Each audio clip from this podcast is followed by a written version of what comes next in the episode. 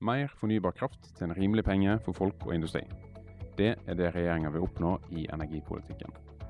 Men med et kraftmarked preget av store svingninger og enda større usikkerhet, har det blitt vanskeligere å oppfylle politiske ambisjoner. For hvordan skal en få gjennomført politikken sin når en er omgitt av krise på alle kanter? Det har vi snakka om med Amund Vik, statssekretær i Olje- og energidepartementet. Mitt navn er Harald Wengen, og jeg ønsker velkommen til en ny episode av Energi og teknologi.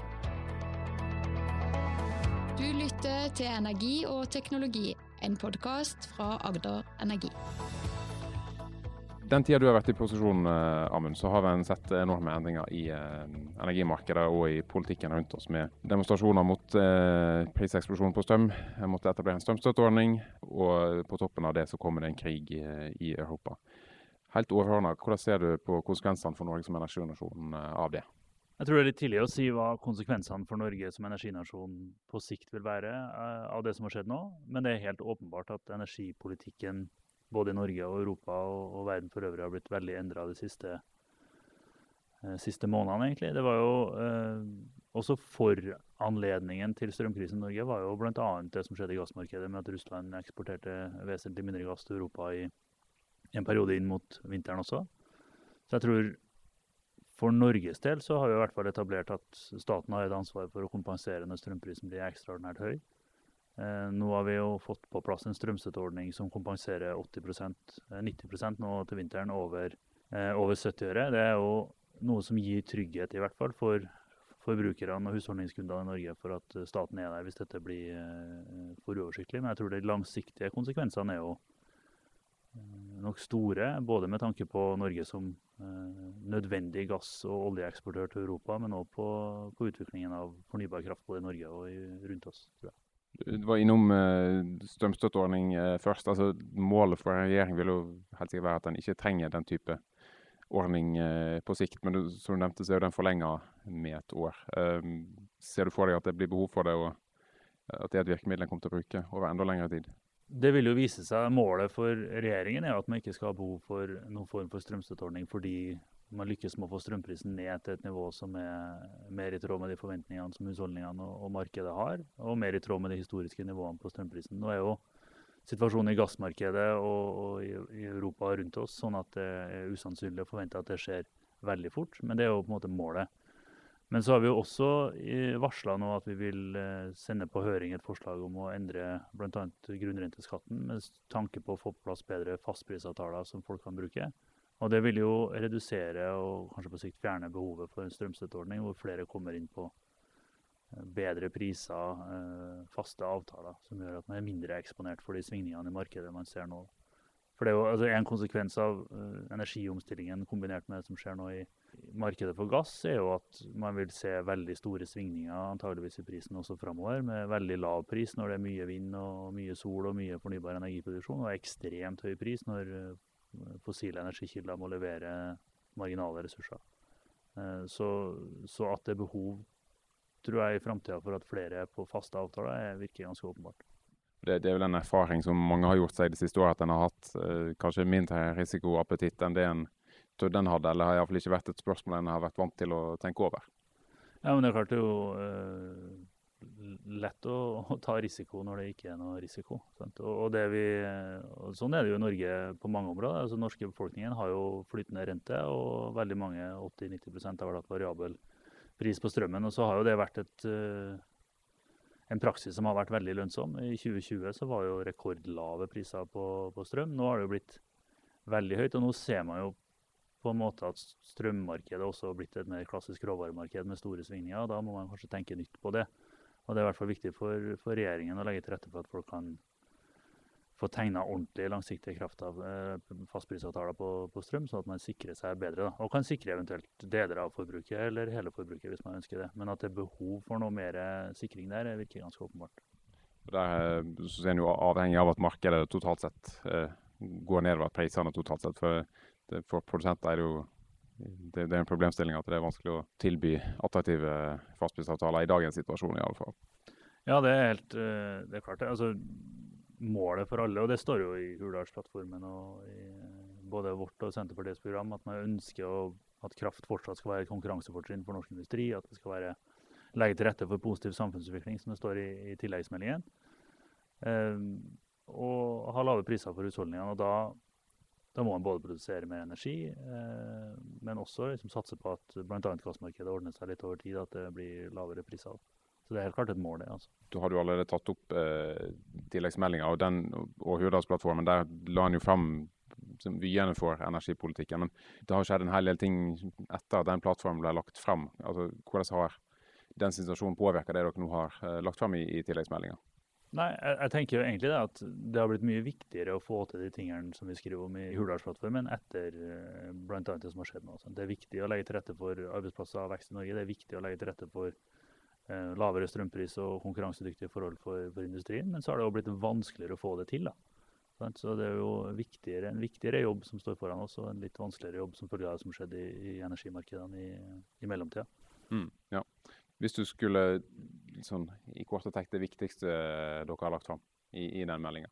Det viktigste er jo For å starte der, da. Altså, ideen med tilleggsmeldingen var jo at vi var jo langt på vei enig i regjeringspartiene i den beskrivelsen av virkeligheten som lå i den forrige regjeringens energimelding, som vi la fram på vei ut døra omtrent i sommeren i fjor. Eh, men at det var behov for å tydeliggjøre noe mer politisk retning. Og så er det jo som du sier, Etter den beslutningen ble tatt, så endra jo energimarkedene seg helt. Så det ble jo også et stort behov for å tydeliggjøre hva regjeringens syn på sånn mellomlangsiktig utvikling i kraftmarkedet vil være, men også på olje og gass. Jeg tror Det viktigste eh, i tilleggsmeldingen er jo at det er så tydelig ambisjonsnivå på produksjon av ny kraft eh, på havvind, men også en åpning på landvind. Eh, og nye skritt på både hydrogen og, og, CCS, som vil være veldig viktig for Norge fra et industrielt og klimamessig perspektiv i årene som, som kommer. Men det må være eh, krevende å utvikle politikk når det svinger så enormt at verden rundt er i så stor eh, endring. Kan du si litt om det? Det er klart det, det er krevende å, å utvikle politikk i et sånt scenario. Samtidig så er det jo da man virkelig trenge politikk. Da. da er det viktig at vi både tydeliggjør hva er eh, regjeringens posisjon, hva er vår vurdering av de hendelsene som skjer. Det er jo et ekstremt vanskelig landskap å holde oversikt over. Og i det politiske landskapet hvor ting går veldig fort og drives av, av mer sånn kortsiktige medievurderinger ofte, så er det jo viktig at man får jobba fram et dokument som i hvert fall er et slags uh, bilde på nå, hvordan vurderer vi situasjonen. Uh, og så har det vært veldig viktig å drive politikkutvikling for å legge til rette for mer stabile vilkår for husholdningene i Norge. og Det eh, tydeliggjøres jo, videreføres og beskrives i tilleggsmeldingen, det som vi gjorde i, i november og desember og inn i, i jula med denne strømstøtteordningen. Det er klart, den type politikkutvikling er jo kjempeviktig. og derfor vi har, eh, En av hovedårsakene til at vi driver med dette, er å kunne løse den type problemer som dukker opp. Så det er jo krevende og, og hastverk og sånn, men likevel veldig givende så er det som sagt store endringer rundt oss, og, og en ser at Europa blir mer avhengig av norsk gass, eh, norske fossile energiressurser. Og så kan en jo tenke seg at selv når verden endrer seg, den skal gå i mer klimavennlig retning, så er det Norge som energinasjon skal leve av, det er olje og gass. Mens det på en måte, internasjonale verdiskapingspotensialet fra fornybare ressurser er kanskje mindre synlig fra regjeringens side. Er det perspektivet du vil være enig i?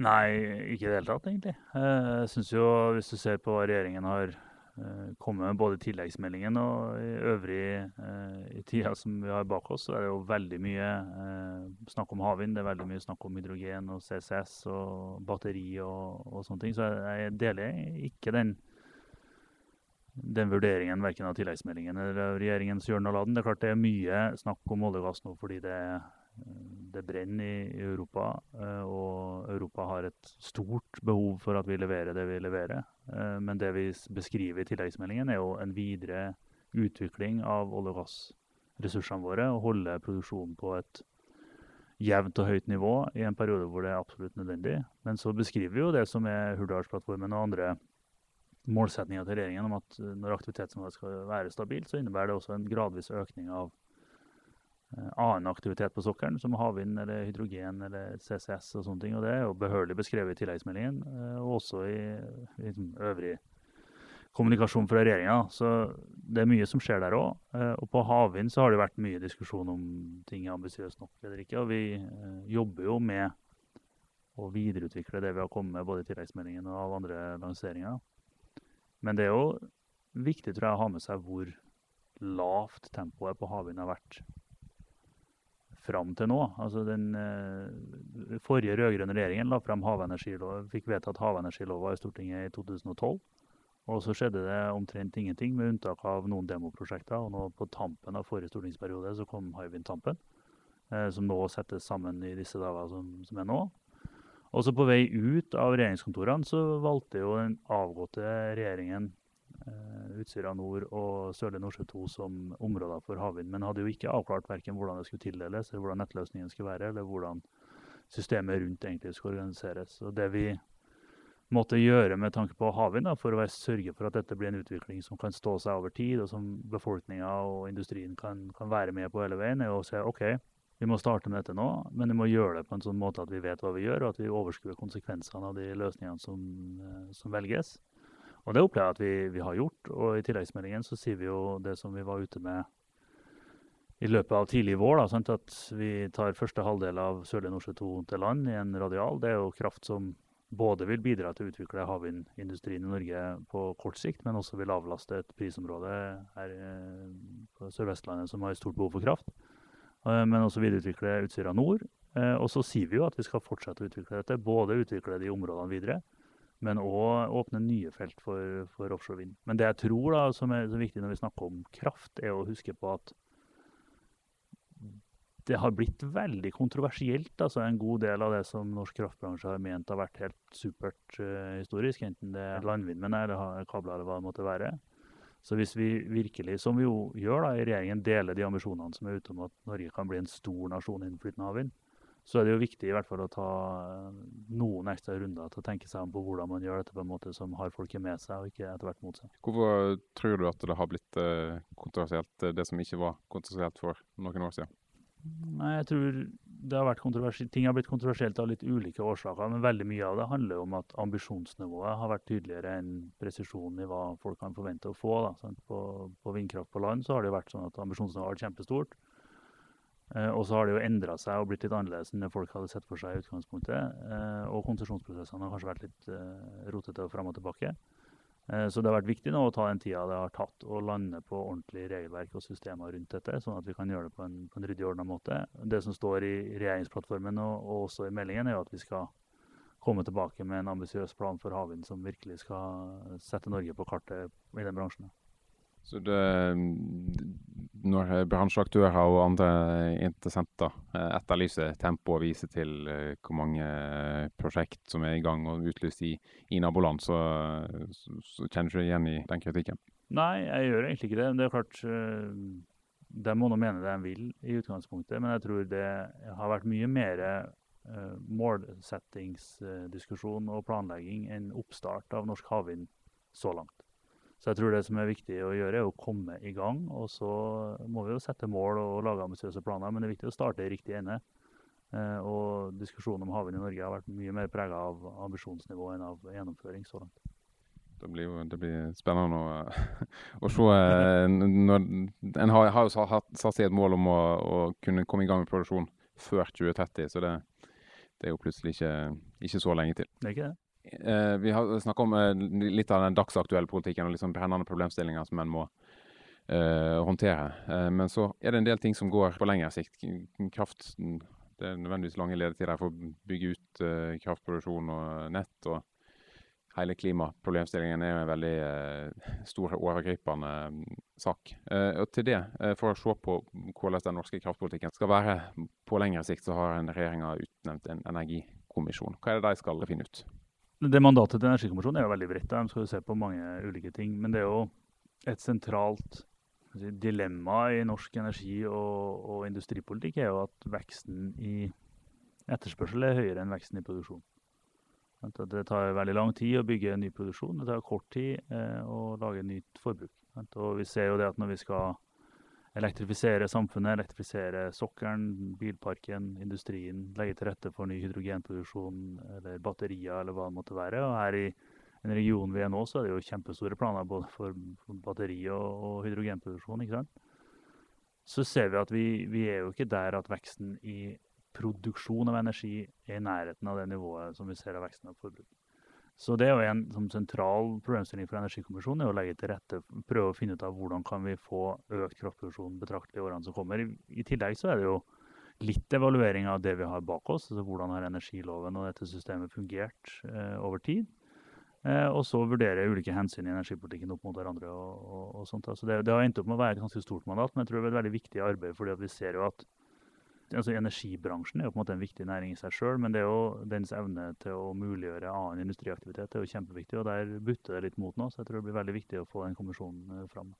Og kombinert ikke minst med nettutvalget som kommer i, i juni, så gir det jo oss ganske godt grunnlag for å fatte beslutninger på lengre sikt. Mange sånne store prosesser av utregningsarbeid som foregår, så en får i hvert fall et veldig solid uh, underlag for politiske beslutninger etter det. Um, et sånt grunnleggende tema som en, en, kommisjon må jobbe med, og som politikere hele tida må ta stilling til, er jo det, den arbeidsfordelinga mellom marked og regulering. Ser du en tendens til at en i møte med de utfordringene en har nå, eh, legger større vekt på regulering enn å la markedet gjøre jobben med å skaffe den fornybare krafta som samfunnet vil ha? Ja, altså det, hvordan man skal svare på det. Altså, det har jo egentlig ikke vært sånn at markedet har skaffa den fornybare krafta. Altså, de, etter energiloven så henter man jo ut veldig mange år bare overkapasiteten fra det gamle systemet. Eh, og på den tida, når det begynte å butte på starten av, eh, altså inn mot 2008-2010 eh, i deler av Norge, så kom jo sertifikatmarkedet. Som jo ikke er en, ikke som markedsmessig sånn rent at markedet leverer noe, men en, en offentlig regulering som la til rette for, for kraftproduksjon. Vi ser jo over hele Europa egentlig, og verden at det er jo kombinasjonen av regulering og marked som gir det vi ønsker, som er en kraftig økning av fornybar energiproduksjon. Um, så, så, egentlig altså både målsetningene som gir behovet for økt kraftproduksjon, men òg en del av virkemidlene for det, er jo, er jo en form for regulering. Da.